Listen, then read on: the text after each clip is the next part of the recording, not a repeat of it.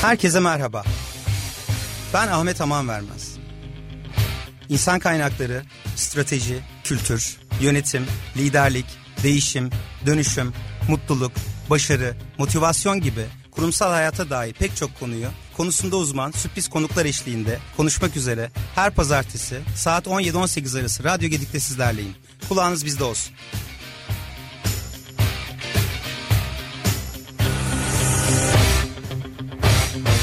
Kurumsal yönetim başlıyor.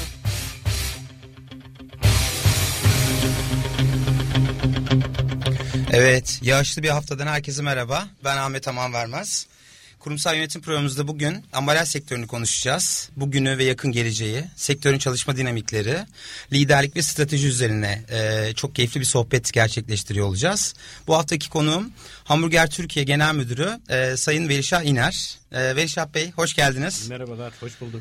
E, haftaya şiddetli yağmur ve rüzgarla girdik. Evet. E, bu zorlu şartlara rağmen Çorlu'dan buralara kadar beni kırmadınız geldiniz. Ne iyi ettiniz. Çok teşekkür ederim öncelikle. Ben teşekkür ederim. Bizim için keyif.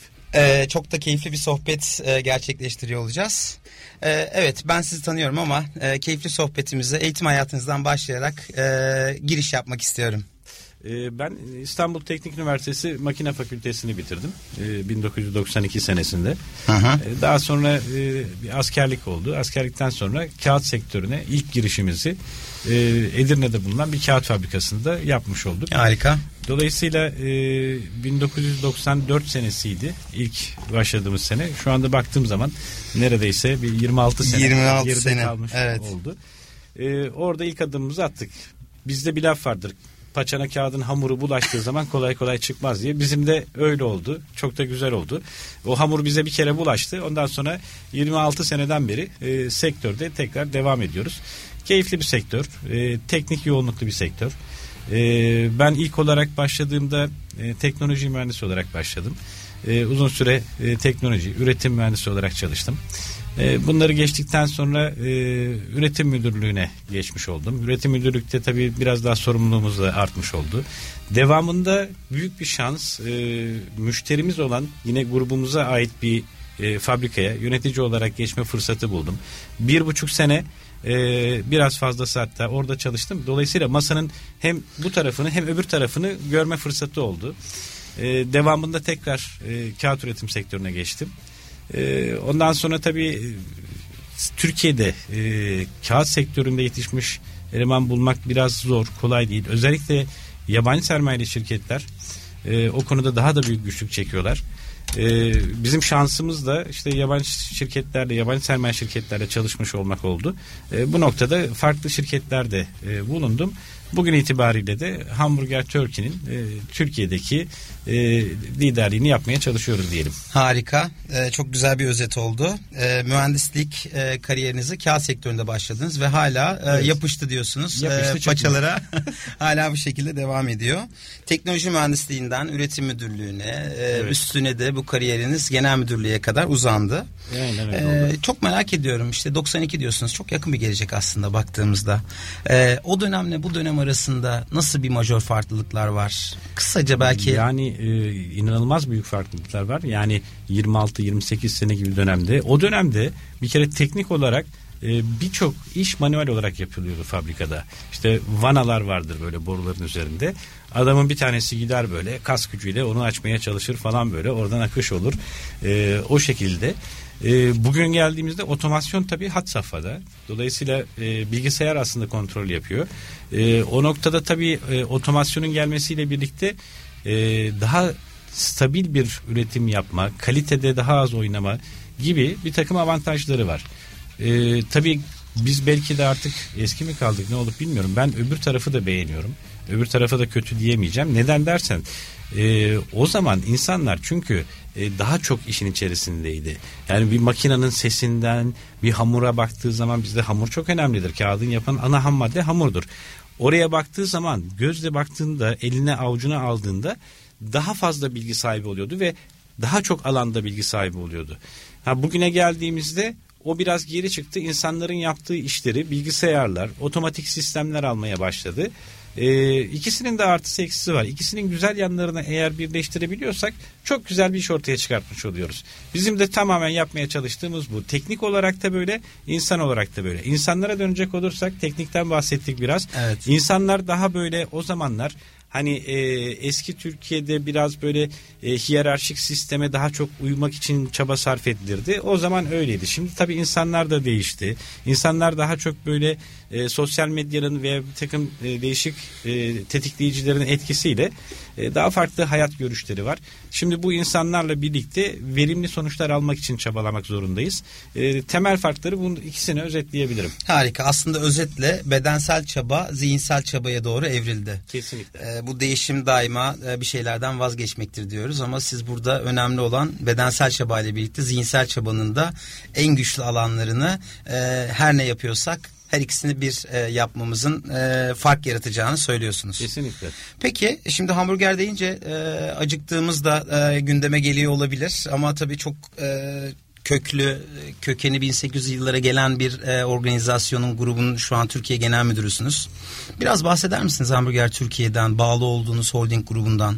biz genellikle kendimizi tanıtırken yiyecek hamburger değil diye tanıtmaya başlıyoruz. Ee, bir taraftan e, biz Türkiye'de bir kere yeni bir şirketiz. Yaklaşık bir 3 yıllık bir geçmişimiz var. Hamburger adı altında. Adı, adı altında. Yoksa e, aşağı yukarı bir 30 yıllık da Türkiye geçmişi olan bir şirketten bahsediyoruz burada.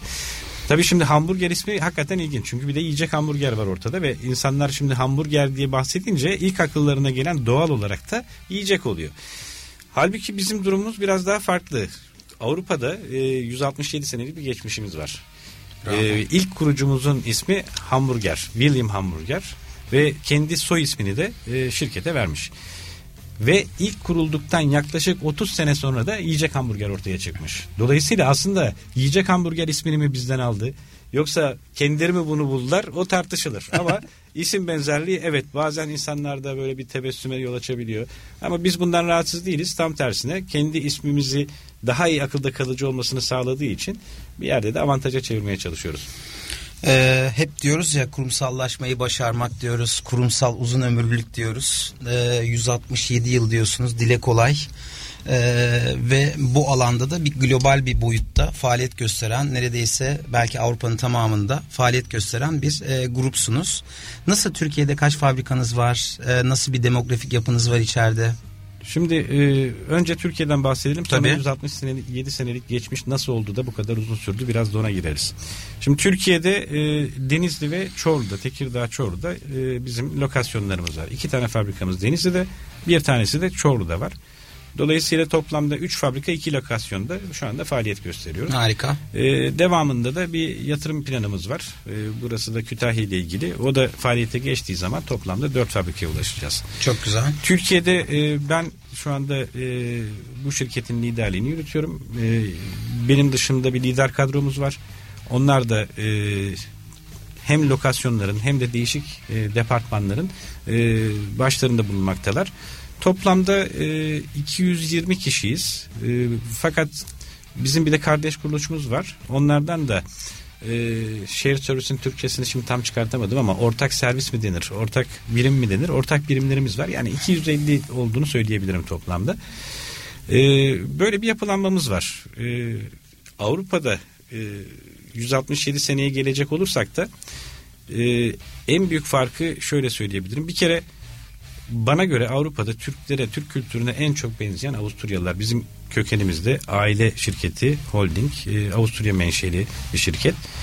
E, Türklere benzemesi e, artı bir. İkincisi e, bir takım değerlere önem vermişler. Tabii ben bunu buraya geldikten sonra daha net olarak görebiliyorum ama e, bizim burada sevgi, saygı, dürüstlük dediğimiz kavramlara senelerden beri çok insana değer verme gibi kavramlara senelerden beri çok önem vermişler ve e, ben Avrupa şirketi olup da el sıkışma kavramının ne kadar önemli olduğunu e, diğer Avrupa şirketlerinden farklı olarak burada görüyorum. E, dolayısıyla bir örnek vermek gerekirse yaklaşık 4 sene önceydi. E, bir yatırımla ilgili yurt dışından bir firmayla görüşürken tokalaştık anlaştık dedik birbirimize ve Harika. sözleşme yaklaşık olarak 3 ay sonra falan hazır oldu. Tabii avukatlar falan devreye giriyor. Ve e, bu el sıkışmanın akabinde Avrupalı diğer şirket, makine üreticisi şirket para harcayıp projeleri geliştirmeye başladı. Hiç aklında bir endişe olmadı. Ben paramı alır mıyım? Sözleşme imzalanmaz mı? Dolayısıyla güven dediğimiz duygu işte şirketin geleneğinde, kültüründe e, bulunan bir değer olarak kendini burada gösteriyor. Harika. Saygı, takım, girişimcilik, sürdürülebilir gelişim en çok e, üzerinde durduğumuz temel değerlerimiz. Bu temel değerleri ne kadar iyi uygularsanız, penetre ederseniz şirket de o kadar çok uzun ömürlü oluyor. En azından bizim şirketimiz için bunun mihenk taşları olduğunu rahatlıkla söyleyebilirim. Harika. Aslında bütün DNA'da bile e, Avusturya merkezli bir şirket. 1800'lü yıllara dayanıyor kökeni. Her şeyin başında güven ağacı diyoruz. E, güvenle başlayan ve bunu e, uzun yıllardır sürdürülebilir olmasını da buna bağlıyor olabiliriz temel değerlerinizde. Bu da çalışan değerleriyle de birebir örtüştüğünde sürdürülebilir bir başarı e, gerçekleşiyor. Peki şimdi e, devam edecek olursak ben özellikle tabii Avusturya'da bir merkez var. Evet. Türkiye gibi birçok farklı ülkelerde de işte global düşün, yerel yönet tarzı bir yaklaşım var. Kesinlikle. O anlamda zaten hani e, matrix bir yapılanmamız yok. E, şirketi kısaca bahsetmek gerekirse Merkez Avusturya'da e, dediğin gibi. E, bu ana holdingin altında üç tane iş kolu var. Bunlardan bir tanesi e, Oluklu grubu, ambalaj grubu. Bir diğeri bizim de içinde bulunduğumuz kağıt grubu. Üçüncü iş koluysa hurda kağıt grubu. Hı hı. Ee, bunların her bir iş kolunun farklı farklı ülkelerde yaptığı işler var. İşte e, Oluklu grubu 18 tane ülkede faaliyet gösteriyor. Biz kağıt olarak 5 ülkede faaliyet gösteriyoruz. Hurda kağıtta 12 ülkede faaliyet gösteriyor. Dolayısıyla böyle bir yapılanmanın içerisinde lokal olarak çünkü uluslararası şirketlerin en büyük e, bilgi olarak veyahut da tecrübe olarak eksikliği aslında burada mı başlıyor? Farklı bir ülkeye gidiyorsunuz ve farklı bir ülkede iş yapma şekli, o ülkenin kültürü, o e, ülkenin değerleri, değer yargıları bambaşka oluyor senin bulunduğun ülkeye göre. Dolayısıyla orada iş yapmak için o ülkeyi tanıyan birisiyle ilerlemen gerekir ki başarı elde edebilesin. Eğer bunu yapmazsan başarı tecrübe gerektirir. Tecrübe uzun zaman alır ve başarı da uzun süre sonra gelir. Dolayısıyla yerel yönetici o anlamda çok önemli.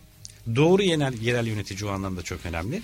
Bizlerin bir miktarda aslında rolümüz köprü görevi görmek. Yabancı iş anlayışına sahip bir e, grupla, insan topluluğuyla burada bizim yerel iş anlayışımıza sahip olan insanların birlikte linkini kurabilmek en önemli görevlerimizin başında geliyor. Kesinlikle aslında burada durumsal liderlik devreye giriyor.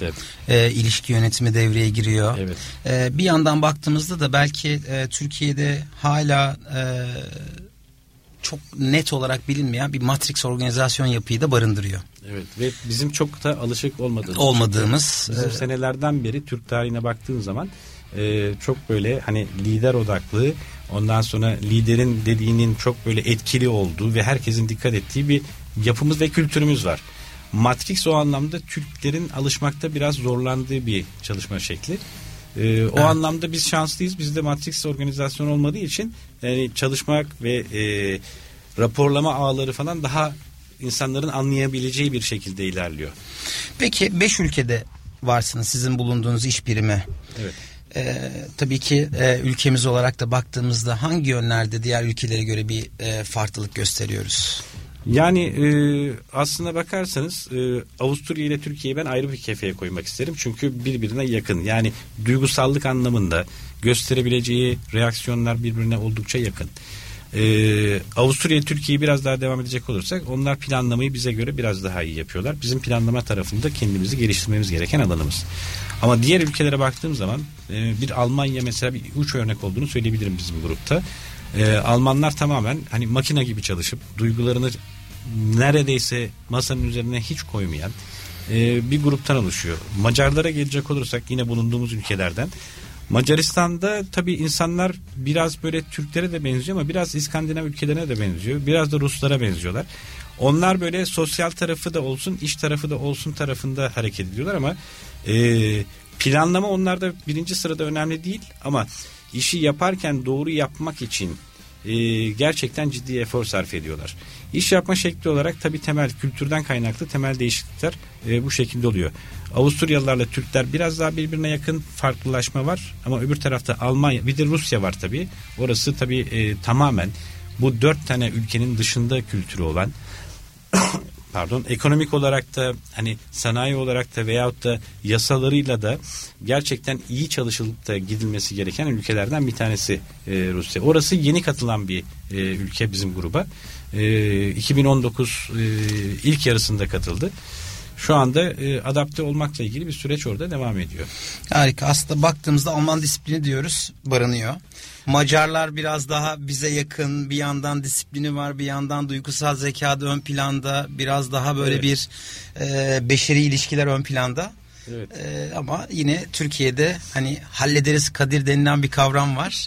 E, ancak stresi e, o strese rağmen e, alışık oldukları için e, Macaristan'la ilgili bir şey daha vurgulamadan geçemeyeceğim. Yani oradaki insan e, çalışanların işte yöneticilerin isimlerinin üçte biri Ati- Atilla. Atilla dediğinizde muhakkak birisi size kafasını çevirir. Harika.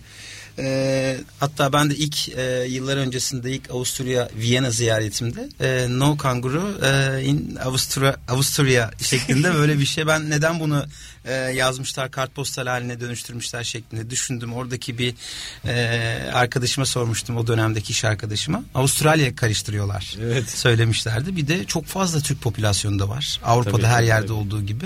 Ama aslında hepsi de baktığınızda e, birbiriyle yaşamaya alışmış bir e, toplumda. Ben şunu ilave etmek isterim bilgi olarak. Bizim e, holdingimizin merkezi Viyana'da. Evet. E, Viyana'da yaklaşık olarak holdingde 300 kişi çalışır. Bu 300 kişinin 50 kişisi Türk. Çok Oldukça ciddi bir oran. oran. Tabii çok ciddi bir oran. Evet. Nereden baksanız e, baktığımızda %15, %15 arasında bir %20 arasında oran bir oran var. Yani her 5 kişiden biri Türk. Ve e, açıkçası Türklerle çalışmaktan da Viyana'da Türklerle çalışmaktan da son derece memnunlar. E, hatta e, burada bizim ekibimizde bulunan arkadaşlardan da bazılarını oraya almakla ilgili görüşmelerimiz oluyor. Ben pek istemesem de. Harika. aslında e, güzel. Yani bir dünyaya çok yakınız her alanda da bildiğimiz için artık hani e, bu özellikle kendi değerlerimiz arasında da olduğunu görüyorum. Adaptasyon özellikle. Evet. nereye giderse hangi ülkeye giderse gitsin o e, ülkenin değerlerini o ülkenin dinamiklerine çok rahat adapte olabiliyoruz. Belki en güçlü kaslarımızdan bir tanesi bu. Şimdi e, biraz bu sektörden bahsetmek istiyorum Melişah Bey. Daha doğrusu merak ettiğim bazı konular var. Ben de sektörü e, eski iş yerlerinden biliyorum. E, üç kağıtçı derlerdi. Özellikle kutu tarafına Evet. neden? Ee, çünkü bir kağıt e, üretim bandında gider. Onun daha az bir hızla ondüle dediğimiz e, bir katman oluşur. Üstüne de üçüncü kağıt gelir ve bildiğimiz tane mukaveti kağıt. sağlayan oluklu mukavva dediğimiz bir e, yarı mamul üretir. Buna da safiya diyorlardı galiba. Evet, evet. Sheet İngilizcesi Sheet. sheet olarak geçiyor. Peki e, Türkiye ile Avrupa arasında ne gibi istatistiksel e, farklılıklar var? Ne durumdayız ambalaj sektöründe? Çok fazla yatırım var ve bu özellikle ambalaj sektörünün de e, en büyük oyuncuları genelde Avusturya'dan çıkıyor. Evet yani e, baktığımız zaman e, hani Türkiye'de şimdi Avrupa'da e, ham madde ile ilgili olan kısmı Türkiye'den daha avantajlı. Çünkü orada ham maddelerin yani atık kağıt dediğimiz kağıdın geri dönüşüm oranı 70'lere yakın bazı ülkelerde hatta üzerinde bile. Türkiye'ye dönecek olursak Türkiye'de e, bu oran %50'nin altında. %44-46 arasında gidip geliyor. Senesine göre, yılına göre. Bu tabii ki önemli bir kriter. Bu bir değer, bu bir e, ülkenin kaynağı. Bu kaynağı ne kadar biz doğru kullanırsak e, o kadar e, dışarıya bağımlılığımız, dışarıya verdiğimiz paralar azalacaktır.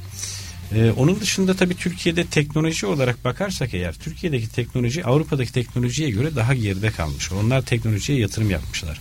Bizim şu andaki sektörümüzdeki işletmelerin neredeyse yarısı eski teknolojiyle çalışan e, firmalarımız, fabrikalarımız. Ve onların da tabii doğal olarak eski teknolojiden kaynaklı maliyetleri oldukça yüksek seviyelere çıkıyor. E, Türkiye'deki tabii e, oynamaları da göz önüne alacak olursak e, bu eski teknolojilerin e, çok uzun ömürlü olmasını beklemek çok iyimserlik olur. E, dolayısıyla Türkiye'nin yapması gereken e, bu endüstrisini geliştirmesi için kesinlikle teknolojiye yatırım yapması. Ki Avrupa'daki teknolojik seviyeyi buraya getirip en azından başa baş rekabet şansı olsun. Şu anda Türkiye'ye yaklaşık olarak 1,5 milyon ton ve 2 milyon ton arasında ekonominin durumuna göre kağıt girişi oluyor Avrupa'dan. Türkiye'de yeni yatırımlar da var ve şimdiye kadar Türkiye tarihinde görülmemiş derecede kağıtla ilgili, kağıt fabrikası kurmakla ilgili istek, yatırım ki biz de onlardan birisiyiz e, var. Ve e, böyle bir ortamda yeni teknolojilerin de gelmeye başladığı bir ortamda e, diğer eski kalmış eski teknoloji kalmış olan yatırımların fabrikalarımızın e, gerçekten dikkat etmesi gerekiyor. E, maliyet yapısını gözden geçirip teknolojiyle ilgili gelişimleri sağlamaktan öte yapacak bir şey yok. E, tabii kağıt dediğimiz zaman aslında bir miktar ağır sanayiye giriyor. Yani demir çelik daha çok bilinir ama kağıt da ağır sanayiye girmektedir. Tabii 7-24 üretiminiz var. 7-24 üretim var. Hani bayram, seyran, tatil demeden çalışması gereken bir tesis. E, yani öyle olduğu zaman e, ileriye dönük olarak mevcut oynamaların, ekonomik oynamaların da fazla olduğunu düşünecek olursak e, bizim Avrupa'ya göre en büyük farklarımızdan diğeri de onların daha stabil bir ekonomiye sahip olabilmeleri. Ama dünya geneline bakacak olursak dünyada kabul etmek gerekir ki bir Çin gerçeği var. E, Çin yaklaşık iki sene önce e, Avrupa'dan veya Amerika'dan hurda kağıt alımını neredeyse durdurdu. Çok ağır şartlar getirdi. Böyle olunca Avrupa'daki ham madde e, fiyatları ciddi oranda düştü aşağıya. Şimdi e, tabii onların atmış olduğu bir adım bütün dünya ekonomilerini e, sadece kağıt sektörü değil, ambalaj sektörü değil, diğer sektörleri de ciddi oranda etkileyebiliyor. E, bizim tabii bir miktar hani e, Çin'in hareketlerini de gözlemlememiz ve çok kalabalık bir toplum, bir buçuk milyardan fazla nüfus olduğu söyleniyor. Onların e, ne yaptığı, nasıl ilerlediği, hangi e, ticari olarak çıkarttığı uygulamalar olduğunu falan takip etmek gerekiyor ki buradaki işlerimizde çünkü onların da etkisi oluyor. Sadece Türkiye'de değil Avrupa'da da keza aynı şekilde. Ama genel olarak e, birinci sıraya koyabileceğimiz konu geri dönüşüm oranının e, Türkiye'de yükseltme zorunluluğunun olması. %50'lerden en azından şimdilik birinci aşamada yüzde elliyi geçmek zorundayız. Peki tüketim oranı nasıl Avrupa'ya göre? Ve düşük tabii yani e, Avrupa'da e, kinin neredeyse yüzde ellisi yüzde altmışı seviyelerinde. Fakat e, şöyle bir şey var. E, Türkiye'den tabii daha e, düşük seviyelerde olan ülkeler de var. Şimdi mesela bir Suriye, İran, Irak, Suudi Arabistan yani o bölgeye Arabistan Yarımadası'na baktığımız zaman hatta daha doğuya gidecek olursak işte Pakistan, Hindistan Oralardaki oranlar da düşük. Ee, onlara göre Türkiye biraz daha iyi durumda. Avrupalıların o yüzden en çok dikkatini çeken ülkelerden birisi de bu İran, Irak, Suudi Arabistan, o Arabistan Yarımadası. Oradaki siyasi belirsizlik e, düzelip de daha stabil hale geldiği zaman ve orada 400 milyonluk bir nüfus var, potansiyel var. Orası e, gelecekte e, yatırım yapmak için cazip bir yer olacak. Türkiye'nin önemi ise bu noktada e, kendini gösteriyor. Bu ülkelere ulaşabilmek için aslında Türkiye'ye geçmişten gelen bir söylem vardı bir köprü ülke. İşte bu köprü ülke hüviyeti ileride çok daha önemli hale gelecek. O ülkelere ulaşmak için Türkiye üzerinden geçmek durumundalar. Ee, çok e, önemli tespitler aslında baktığımızda. Hep e, yıllardır diyoruz hem ekonomiyle uğraşanlar, finansal okur yazarlık konusunda da önemli bir tespit bence. E, bu arz talep dengesi dediğimiz. Evet. Bir yandan e, talebe odaklanmış bir sektörden bahsediyoruz. Bir yandan arıza odaklanmış bir e, sektörden bahsediyoruz. Bir yandan da tabii ki recycle dediğimiz bu geri dönüşümde de benim bildiğim e, kadarıyla doğru mudur tabii ki e, sizden almalıyım. Yüzde doksanlara kadar yüzde doksan beşlere kadar e, bu kağıtların geri dönüşümü mümkün. Tabii tabii. Yani e, ancak geri dönüşümü olmayanlar işte peçeteler yani buna benzer kağıtlar, hijyenik kağıtlar bunlar geri dönüşümü olmayanlar ama e, bunların oranı da e, baktığımız zaman hani yüzde on seviyelerinde yüzde doksana kadar mümkün. Ama hani sonuçta yüzde yetmişi eğer geçerse yüzde yetmiş beş seksen aralığı çok da ideal bir aralık. Ee, tabii ki daha üzerine çıkara, çıkala, çıkılabilir. Ancak bu noktada tabii yasal düzenlemeler, toplum bilinci, e, sadece devlet değil hem üretici hem tüketici hep birlikte hareket ettiği zaman o da mümkün. Bunun örnekleri var. Yani 80'in üzerine çıkmış ülkeler var birkaç tane. E, ama bizim şu andaki bence e, bir yol haritası çıkartmamız lazım ülke olarak. Ve bu e, önümüzdeki 10 sene için bu haritayı izleyip e, sırasıyla önce 50'nin üzerine sonra e, 55'in üzerine sonra 65'in üzerine kademeli olarak lazım. Arz talep dengesine geldiğimiz zaman e, açıkçası Türkiye'de yeni yatırımların olduğunu söylemiştik. Bu yatırımlar geldiği zaman ciddi bir üretim artışı da gerçekleşecek. Tabii ilk başta söylediğim şey hala geçerli. Türkiye'deki şu anda mevcut üretim yapan tesislerin yarısının eski teknoloji olması gerçeği aslında önümüzdeki 10 ila 15 senede Türkiye'de e, arzla talep dengesinin belki belli senelerde yukarıda belli senelerde aşağıda kalacak olmasına rağmen bunu bilerek e, belli bir dengeye oluşa, oturacağını söyleyebiliriz. Başa baş noktası anlamında. Evet. Evet. E, genel olarak sektör hakkında e, gayet e, güzel tespitler bunlar. Bunun da farkındalığının da her geçen gün artması gerekiyor. Bununla ilgili de bir eğilim var anladığım kadarıyla tüketici tarafına baktığımızda. Evet. Genellikle hani çevreyle ilgili olan bilinç daha üst seviyede. Yani çevresel bilincin içerisinde belli e, malzemeler biraz daha yukarıya çıkabiliyor. Şu anda özellikle devletin de üzerinde durduğu işte hani e, sıfır atık projesi e, olsun veyahut da lokal bazda uygulanan bazı projeler var. Bunlar tabii bu, bu bilincin gelişmesine büyük katkı sağlıyorlar. Biz de zaten bu bilincin gelişmesi yönünde e, hem istekliyiz hem de çaba sarf ediyoruz. E, kendi çabalarımızdan örnek vermek gerekirse en son yaptığımız e, Kütahya'da e, ki Dumlupınar Üniversitesi, Üniversitemizin e, yaptığı bir çalışma vardı. E, o çalışmaya biz de katıldık ve e, orada bu bilinçlenmeye katkı e, olması açısından bazı sunumlarımız oldu. E, bazı görsellerimiz oldu. İşi biraz daha e, eğlence eğlenceli hale getirmek için bir spor organizasyonu ile birlikte onu yürütmeye Çok çalıştık. Güzel. Devamında bir laboratuvar kurulması ile ilgili e, çalışmamız oldu gene Kütahya'da. Yani bu konuda biz de aslında çok istekliyiz. Çünkü bu bilinç ne kadar yukarı çıkarsa geri dönüşüm miktarının da artmasına o derece faydası olacaktır. Çünkü sadece yasal düzenleme ile bazı şeyleri yapamıyorsunuz. Bu bilinçle de ilgili. Bu devletle, bilinçle, farkındalıkla ve tüketiciyle hep birlikte yapılabilecek bir işlem. Harika. Peki şimdi e, programımızın ikinci kısmına geçmeden önce e, ben 2019 şaka gibi bir hızla geçti. Evet. Aklınızda kalan üç majör şey. Yani açıkçası e, bizim sektör için e, bir sinüzoidal eğriden bahsedebiliriz. Biz 2018 yılında sinüzoidal eğrinin üst tarafındayken 2019 yılında geçtiğimizde bu sinüzoidal eğrinin altına girmeye başladık. Evet. Dolayısıyla bizim için konfor alanından böyle daha çok mücadeleci bir senenin olduğunu söyleyebilirim 2019 senesi. Ee, onun dışında 2019 senesinde e, daha çok böyle acaba ne olacak 2018'deki o dövizdeki hareketten dolayı e, bütün sektörde bütün sektörlerde hatta bir korku hakim oldu. Dolayısıyla bu stabilite olacak mı olmayacak mı beklentisiyle biraz böyle bir durağan geçti. Yatırımlar açısından özellikle biraz durağan geçti. Alınması gereken kararlar bir miktar e, uzadı kararların alınması. O anlamda görelim bakalım ne olacak şeklinde bir yıl olduğunu söyleyebilirim.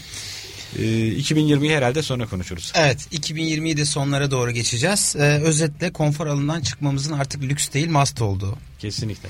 Ee, stabiliteden korkunun e, çok ön planda olduğu bir yılı geride bıraktık. Evet. Ee, 2020 içinde e, ne gibi iş dünyasında neler değişecek bunları da konuşmak. Özellikle liderlikle ilgili de e, birçok konuya değinmek istiyorum programımızın ikinci kısmında.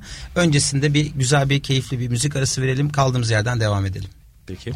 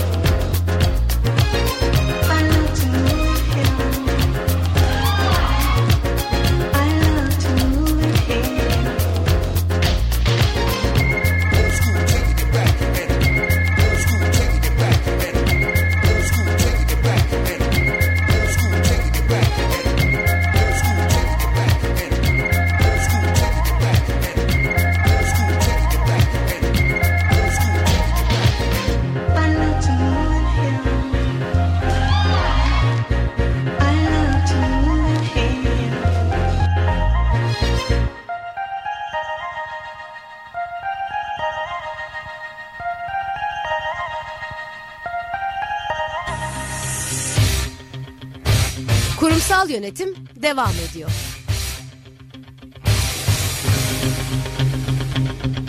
Evet, e, herkese tekrar merhaba. E, ilk yayın e, akışımızda e, özellikle ambalaj sektöründen bahsettik. 2019'daki gündemlerden bahsettik. Şimdi biraz daha 2020 ve yakın gelecek konularına e, değinmek istiyorum. E, özellikle şimdi e, liderlik ve genel müdürlük yapısı hani o atmosferdeki sorumluluklarınızdan bahsetmeden önce e, 2020 yılı için gördüğünüz en önemli riskler nedir Velişah Bey? Yani 2020 yılında şu anda çok gündemde olan e, Çin ile Amerika arasındaki e, ticari savaş e, herhalde çok etkileyecektir. E, onun dışında tabii e, siyasal olaylar işte bu İran'la yaşanan devamında ne olacağını tam olarak bilemediğimiz konular falan 2020 yılını etkileyecek konulardan e, önemli satır başlıkları olacağını söyleyebilirim. E, onun dışında tabii e, uzun süre duran bir ekonomi e, belli bir süre sonunda harekete geçmek zorunda. Dolayısıyla bu da işin pozitif tarafı. Her ne kadar etkileyecek faktörler olsa bile e, bir pozitife geçişin olması tabii ki beklediğim bir şey. E, bunun ne zaman olacağı konusu tabii önemli. Ben açıkçası ilk çeyrekte bununla ilgili çok fazla bir olumlu e, görüşüm yok.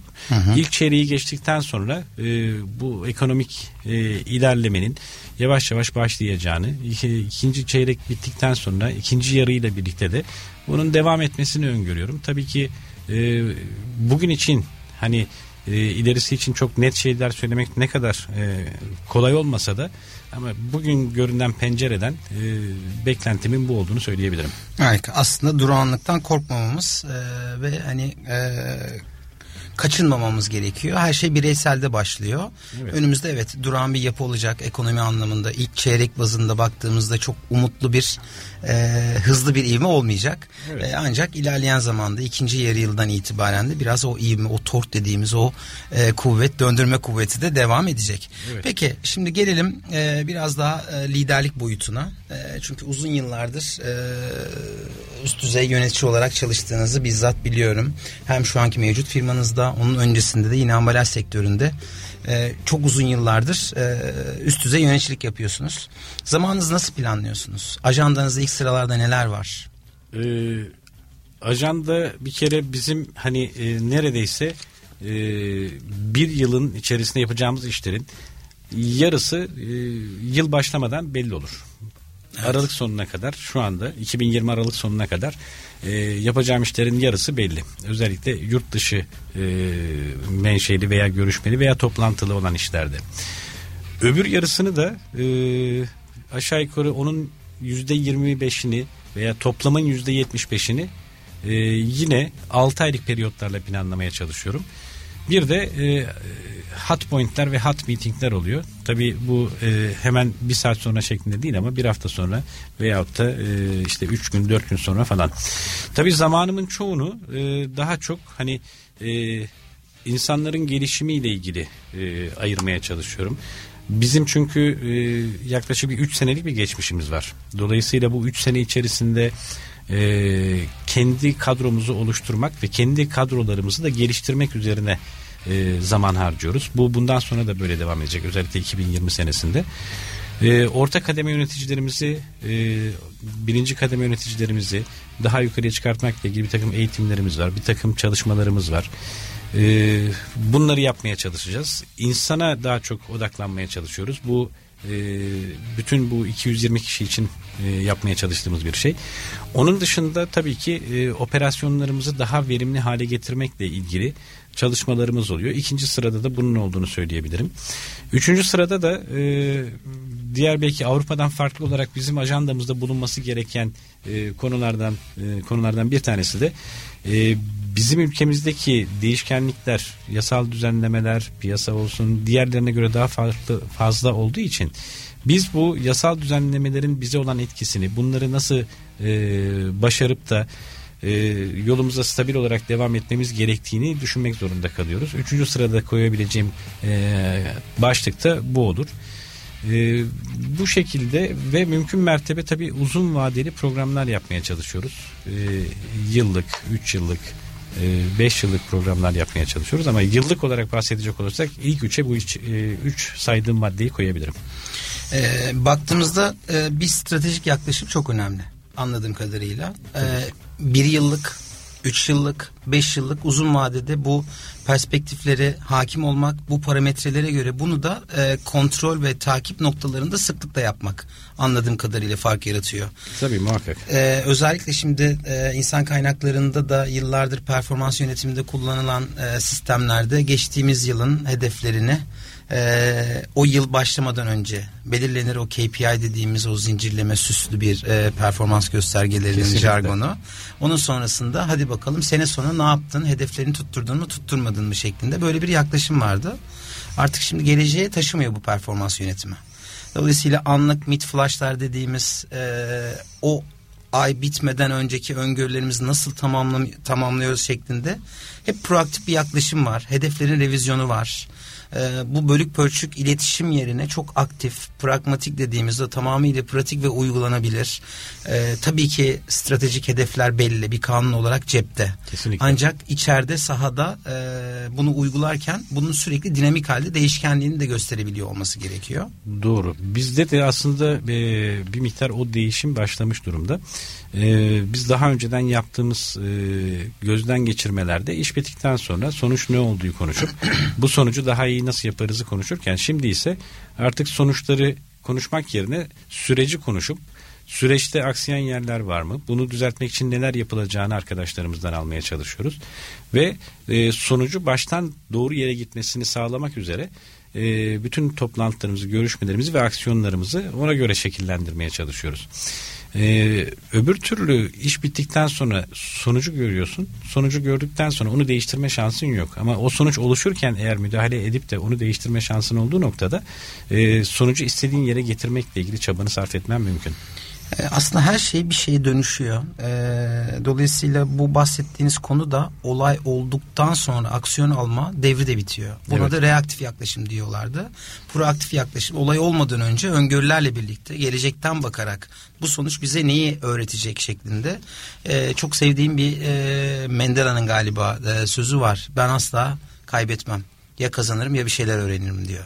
Evet. Dolayısıyla aslında burada deneyimin de ön planda olduğu ve e, sadece analizlerle yetmiyor. E, bununla birlikte e, proaktif olarak hipotez, e, antitez bu tür olanları da e, bu mühendislik bilgilerini de aslında her alanda kullanıyoruz. Evet. Tabii e, yönetim tarzı olarak yani sonuçlara baktığın zaman veya sonuçlar gerçekleştiği zaman üzerinde e, çalıştığın zaman bu sefer de e, bir miktar iş hesap sormaya gidebiliyor. E, bu durumda tabii motivasyonu e, son derece düşürücü bir yönetim tarzı olmuş oluyor. E, onun yerine hata yapmaya müsaade ederek e, devamında da eğer bu hatayı yaptıysa bundan bir ders çıkartabiliyorsa insanlar e, o çıkarttığı dersten sonra bunu bir daha tekrarlamamak üzerine e, planlarını yapıyor, aksiyonlarını yapıyor. E, kolay bir iş değil ama e, bunu en azından uygulamak için çaba sarf etmenin doğru olduğunu biz şirket olarak inanıyoruz. E, bir şeylerde yanlış yapabiliriz. E, bu yanlışın sonuçları da gerçekten ciddi e, sonuçlar olabilir. Ama bir daha bunu yapmamak üzerine buradan bir çıktı sağlıyorsak en büyük avantaj o. Kaybetmemekten de aslında onu Kesinlikle. anlamak lazım. Öbür taraftan tabii e, bizdeki değişimlerden bir tanesi de şu.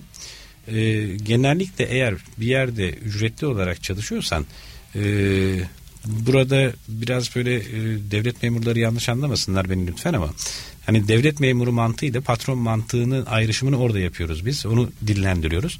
E, burada çalıştığım bölümü sahibiymiş gibi onun e, ilk yatırımını sen cebinden karşılamışsın gibi bir mantığı oturtmaya çalışıyoruz. Bu da çok kolay olmuyor tabii ama eğer bu şekilde bu mantığı tamamen e, oturtma durumunda insanlar e, bir kere daha az yorulup kendi işini daha severek yapıp sonuçlarını aldığı zaman da motive olma imkanı doğuyor. Bu şekilde de hem kendi öz saygılarını kazanma şanslarını elde ediyorlar hem de e, beraber çalıştığı diğer ekip arkadaşlarına da e, o şekilde e, yaklaşım gösterip onları da destekleyip onları da motive edecek bir hal almış oluyor. E, genellikle e, zaten hani az evvel söylediğim gibi sonuçların değerlendirilmesinin yanında sonuçları değerlendirmeden vazgeçip de sürecin değerlendirmesiyle beraber e, bu burası benim e, mantığını oturtmaya çalışıyoruz ki insanlar e, hiçbir şekilde e, memur zihniyetine bürünmesinler, başarı odaklı olsunlar ve motive olup verimlerini ve performanslarını arttırmaya uğraşsınlar. Aslında e, tavsiyeler önerileri de gelmiş gibi olduk. E, çok güzel söylediniz. Bunun notunu da aldım. Sonuç yerine süreci değerlendirmek gerekiyor. Çünkü biz bu hikayenin neresindeyiz? Bir gitmek istediğimiz yolculukta A noktasındayız. Evet. E, gitmek istediğimiz yer de belli B noktası. Ama B noktasıyla o yolculuk tamamıyla birbirinden farklı şeyler. E, dolayısıyla öğrenilen dersler dediğimiz o learn lesson'lar böyle e, cafcaflı kelimeler falan bunlar kesinlikle sürece odaklanmamız gerektiğini de çok net bir şekilde gösteriyor. Peki şimdi liderlik davranışlarından da biraz bahsetmek istiyorum. Özellikle sizin de liderlik davranışlarınızı da merak ediyorum çalışanlarınıza. Çok ciddi bir popülasyona etkiniz var. Etkili e, ve bilinçli, ne istediğini bilen ve bu sektörde e, yaklaşık çok e, yakın bir tarih diyelim. Hani 28-30 yılı çok kısa bir tarih olarak söyleyelim. Şimdi en çok e, Türkiye'de e, liderlik davranışları olarak bir yapılan bir araştırmada direktif veren, vizyonu gösteren, dostane yaklaşan, e, katılımı sağlayan, mükemmele odaklanan ve koçluk yapan şeklinde bir altılı sıralamada e, Türkiye'de en çok e, direktif veren, dostane yaklaşan ve mükemmele odaklanan e, liderlik davranışları çıkmış. Katılıyor musunuz? Siz bu durumda neredesiniz bu resimde? Şimdi öncelikle katılıyorum onu söyleyeyim. Ee, devamlı şunu söylemek isterim. Aslında yöneticilik bir yerde e, durumsal yaklaşımdır. Şimdi Türkiye'yi ele aldığınızda bile Türkiye'de eğer e, Çorlu gibi bir lokasyondaki oranın e, insanlarıyla çalışıyorsunuz. Çünkü oraya bir Evet. yatırım yapıyorsunuz ve fabrika kuruyorsunuz. Sonuçta o fabrikaya çalışacak insanları da en azından yüzde seksenini o loka- lokasyondan seçiyorsunuz. Veya bir Adana'daysanız Adana'da Adana'dan seçiyorsunuz insanları. Efendime söyleyeyim Trabzon'daysanız Trabzon'dan. Eğer sonuçta yani Türkiye'de tek bir kültür yok. Baktığınız zaman farklı farklı kültürler var. Dünyada da farklı ülkeler ve farklı ülkelerin farklı e, alanlarında, sahalarında e, bu durum böyle. Şimdi bu noktada önemli olan bence şu. Bulunduğunuz yerdeki kültür nasıl bir kültür? Siz bu kültüre uygun hareket edebiliyor musunuz, edemiyor musunuz? Ben başımdan geçen bir e, olayı örnek olarak vermek isterim. Tabii ki. Adana'da başımdan geçti. Orada bir e, oluklu mukavva fabrikasının yöneticiliğini yapıyordum geçmişte. E, bir hatalı üretim çıkmış. Hatalı üretim çıkmış ama yani e, aslında makinenin başında da birisi duruyor. E, ben de tabii hemen onun yanına gittim. Ya dedim sen bu üretimi dedim böyle çıkarken görmedin mi? Bana ayıkmadım dedi. Anlamadım dedim. Ne yapmadın dedim. Ayıkmadım dedi. Ayıkıyor mu? Bir daha sordum. Ne yapmadın dedim. Ayıkmadım dedi. Şimdi na- nasıl yani falan dedim ben şimdi. E, adam da ellerini iki yana açtı. Ayıkladım işte daha nasıl anlatayım gider gibi Evet. böyle iki yana ellerini açtı. Şimdi Orada bu bir tabii kelime e, onun orada söylediği ama demek istediğim e, oranın kültürüyle hareket ediyor. Oranın söylemleriyle hareket ediyor. Dolayısıyla siz bir ülkede bambaşka bir ülkenin çalışma şartlarını veya oranın kültürünü veya oranın değer yargılarına uygun bir yönetim tarzını yapmaya çalışıyorsanız o burada tutmuyor. İşte Dolayısıyla- doku uyuşmazlığı oluyor. Evet doku, uyuş- doku uyuşmazlığı dediğimiz şey oluyor. Dolayısıyla bir kere çalıştığınız insanları tanımak durumundasınız. Onların değerlerini, onların kültürünü tanımak durumundasınız. Türkiye'deki genel kültüre baktığımız zaman aslında ataerkil bir toplumdan geliyoruz. Dolayısıyla ataerkil toplumlarda işte babanın sözü daha bir değerlidir. Dolayısıyla bu direktif verme olayı da biraz aslında bizim kültürümüze çok e, aykırı bir davranış değil.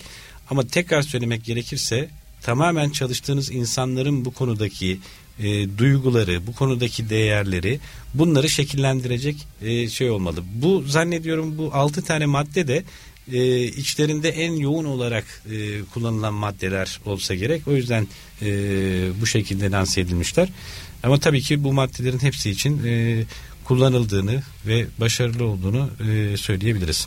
Peki eee, bu alanlara baktığımızda bir tarafta üst yönetim beklentileri var. Sizin bahsettiğiniz gibi. Her alanda tabii ki siz de bir strateji geliştiriyorsunuz. Ama stratejiyi eee, o var olan kültürün üzerine inşa ediyorsunuz. Kültür Evet. geçmişle alakalı. Strateji gelecekle alakalı. Evet. Ee, böyle baktığımızda siz e, hep büyümeden bahsediyorsunuz. Hep gelişmeden, karşılıklı paydada kişisel ve e, mesleki gelişimden bahsediyorsunuz ama karşı taraf bunu farklı algılayabiliyor. Ee, özellikle 2020 ve sonrasında siz çalışanlarınızdan ne bekliyorsunuz? Ne gibi yaklaşımlar bekliyorsunuz? Biraz bunlardan da e, sizden tiyolar almak isterim. Yani açıkçası e, ikinci e, yarım saate başladığımızda bir miktar üzerinden geçtik Evet. ama yani daha çok benim beklediğim e, çalışanların kendi çalıştıkları alanı sadece alan olarak değil e, lokasyonu şirketi kendi şirketleriymiş gibi görmesini arzu ederim. Tabii bunu e, sadece arzu etmekle olmuyor. Bunun altyapısını oluşturmak gerekiyor. O insanların kendilerini güvende hissetmeleri, o insanların kendilerini e, değerli hissetmeleri gibi bir takım bunun e, temel e, temelleri var. Bu temelleri oturtup e, herkesin hedef birliği içerisinde olmasını bekliyorum. Tabii bunlar iddialı laflar. Bunlar çok kolay laflar değil ama bir yerden de başlamadan adım atılmıyor. Merdivenler çıkılmıyor. Biz de bu merdivenlerden bir iki basamak e, çıkalım istiyorum. Devamında tabii ki e, insanların gelişimi çok önemli. Gelişim e, bilgiyi bir şekilde temin edebilirsiniz. Bilen birisinden işte kaynaklarından veya parayı vererek o bilgiye satın almak gibi bu imkanlarınız mevcut. Yapamayacağınız şey tecrübedir. Tecrübe çünkü zaman içerisinde olacak bir şey. Bizde e, şirketlerde veya iki kuşak veya üç kuşak e, olması oluyor. Bizde de e, şu anda iki kuşak var. Dolayısıyla e, yaşı daha ileride olan kuşak işte bu tecrübe dediğimiz şeyi diğer kuşağa aktararak onları destekleyip onların gelişimini sağlamak. Benim şu anda en büyük e, arzum ve üzerinde çalıştığım konu e, benim yerime iki tane adayı önümüzdeki 3 ila 4 sene içerisinde yetiştiriyor olmak. E, devamında da onların da kendileriyle ilgili e, insanları yetiştiriyor olmaları. Harika. Yani baktığımızda kendilerini güvende hissetmelerini öneriyorsunuz. Evet. Ee, Her şeyin başı güven. Ee, Çok da güzel temel değerlerinizden de bir tanesini güven olduğunu da söylemiştiniz. Her, iş- her işin başı da güven. İşte güven ruh gibidir. Bir kere çıktı mı bir daha gelmez. Ben de onu diş macununa benzetiyorum. Sıkıyorsunuz bir daha geri gelmiyor. O yüzden aslında çok basit gibi görünen ancak çok önemli bir yere sahip olan değerler arasında. Ee, ve diyorsunuz ki e, mesleki anlamında da kendi mıntıkalarını bile en azından o operasyonda yapmış olduğu sorumluluklarını da kendi şirketleriymiş gibi benimsediklerinde de aslında büyük resmi de bir nebze görmüş oluyorlar. Evet. Ee, yani sayarak değil yaparak bitiyor işler. Ee, bu kapsamda siz bilen yerine yapabilen yani sahada olmalarını tecrübe sahibi olmasını istiyorsunuz. Kesinlikle çok önemli. Bizim tabii yaptığımız iş gereği de e, sadece masa başından işin geneline e, hakim olmak veya Mümkün görebilmek değil. çok mümkün değil. Tabii ki e, hani bizde de tabii olmazsa olmazları var işin. E, bir kere insanların kim olursa olsun hangi bölümde hangi departmanda çalışıyor olursa olsun bir kere analitik bakmaları lazım olaylara. E, biz çünkü e, direkt olarak hani son tüketiciye mal üreten bir şirket değiliz. Biz ara tüketiciye mal üreten bir şirketiz. Dolayısıyla reklam kısmı falan oraları bizim için birinci derecede önemli değil. Ama teknik bir iş yapmamızdan dolayı insanların analitik bakış açısına sahip olmaları o anlamda bizim için çok önemli. Olmazsa olmaz ve Kesinlikle. ilk başta e, eleman alımında da dikkat ettiğimiz konulardan başında geliyor diyebilirim. Analitik beceri. Peki böyle hazır e, yetkinliklerden bahsetmişken e, geleceğe taşıyacak çalışanların yetkinlikleri neye doğru evriliyor? E, buradaki bakış açınız nedir? Hani yetkinlik deyince hep diyoruz ya bilgi, beceri ve deneyimlerin toplamı yetkinliği e, gösteriyor. Bu Evet. alandaki e, önerileriniz, görüşleriniz.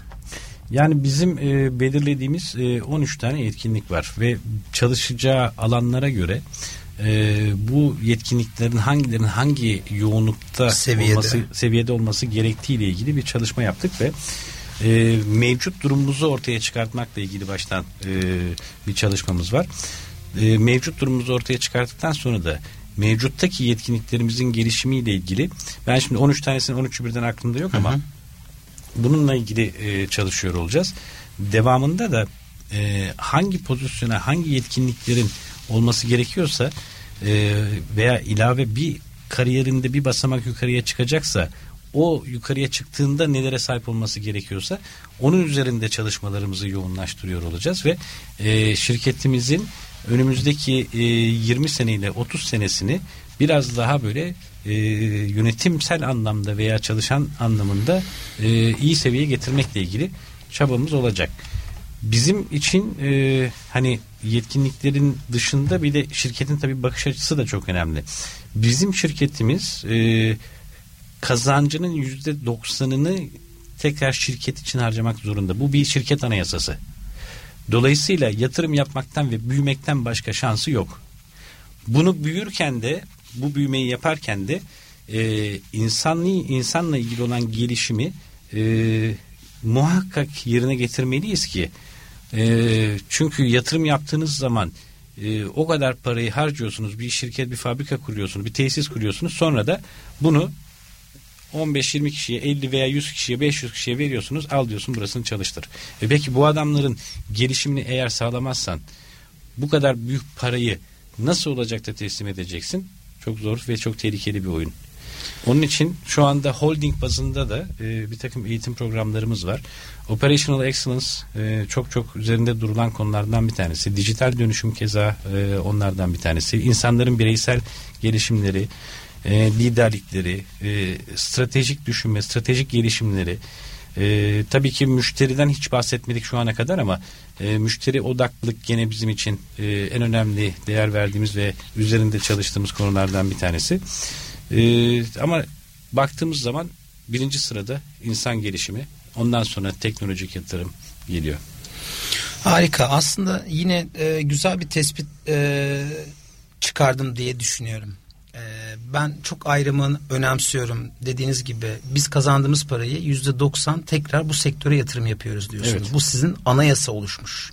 Şirketin anayasası. Yatırım yapmak zorundayız çünkü yatırım yapmazsak vergi vermek zorunda kalacağız. Evet aslında hem e, bunun kazan kazan da oluyor. Hem içinde bulunduğunuz ülkeyi de geliştiriyorsunuz. Hem şirket de gelişiyor hem sektör de gelişiyor. Dolayısıyla içinde olan bütün popülasyon da gelişiyor. E, o yüzden tüccar değilsiniz, sanayicisiniz. Belki bu sektörde. Tam anlamıyla doğru bir tespit olduğunu Ee, söyleyebilirim. Ben hani böyle bir tespit çıkardığımı e, düşündüm ve notumu da aldım ve e, heyecan da duyuyorum. E, çünkü hem bu sektörü yakından takip ediyorum. Hep beraber gelişimlerinizin, başarılarınızın uzaktan da olsa e, takipçisi olarak çok e, keyifli bir sohbeti geride bıraktık. E, özellikle e, çalışanlarınızı ve dışarıdaki bizi dinleyen çalışanlara da en azından ambalaj sektöründe ilgi duyanlara da e, öneri olarak da yetkinlik anlamında davranışsal tabii ki ne yapıldığından ziyade nasıl yapıldığı her alanda önemli. Bunu bir cebe koyacaklar. Analitik beceri hiç olmadığı kadar önemli. E, ve biraz belki daha anlamlı halde e, düşünmek gerekiyor. E, mesleki deneyim de önemli ve yaratıcılık. Yani biraz daha iş geliştirme dediniz. Yani sonuç yerine sürece odaklanma dediniz. Ee, ben kazanımlarımı aldım Elşah Bey. Ee, o yüzden çok keyifli bir e, sohbet oldu. Ee, programımızın da sonuna geldik. Ee, söyleyecekleriniz, eklemek ya da belirtmek istediğiniz ekstra bir şeyler var mı? Yani e, insanlar bir işi eğer severek yapıyorlarsa sonuç elde etmemeleri ben çok zor görüyorum. Dolayısıyla tavsiyem şu olur. İster ambalaj sektöründe ister bazı başka bir sektörde e, severek yaptığınız işi lütfen yapmaya çalışsın. E, onu yaptığı zaman insanlar görecekler ki eğer hedefledikleri bir şey varsa ona gerçekten e, daha kolay bir şekilde ulaşacaklar. Önemli olan e, tavsiyem bu olacaktır. Ne yaparsan yap aşk ile yap Evet, gibi evet, bir evet. tutku zaten organizasyon ihtiyaçları yetkinlikleriyle birlikte o tutku da olduğunda müthiş bir başarı da beraberinde getiriyor. Kesinlikle. E, çok teşekkür ederim Velişah Ben Bey. teşekkür E, ederim. bu yoğun ve e, hava koşullarında bile e, Çorlu'dan Benim buralara kadar geldiniz. E, umarım e, yeni yatırımlarınızı da e, startına verdiğinizde de tekrar ilerleyen zamanda da önümüzdeki günlerde belki önümüzdeki yılda da e, keyifli sohbetimize kaldığımız yerden devam etmek isterim başka İnşallah, konularla. buyurun. Çok teşekkür ederim. Herkese iyi haftalar diliyorum. Hoşçakalın. Hoşçakalın. iyi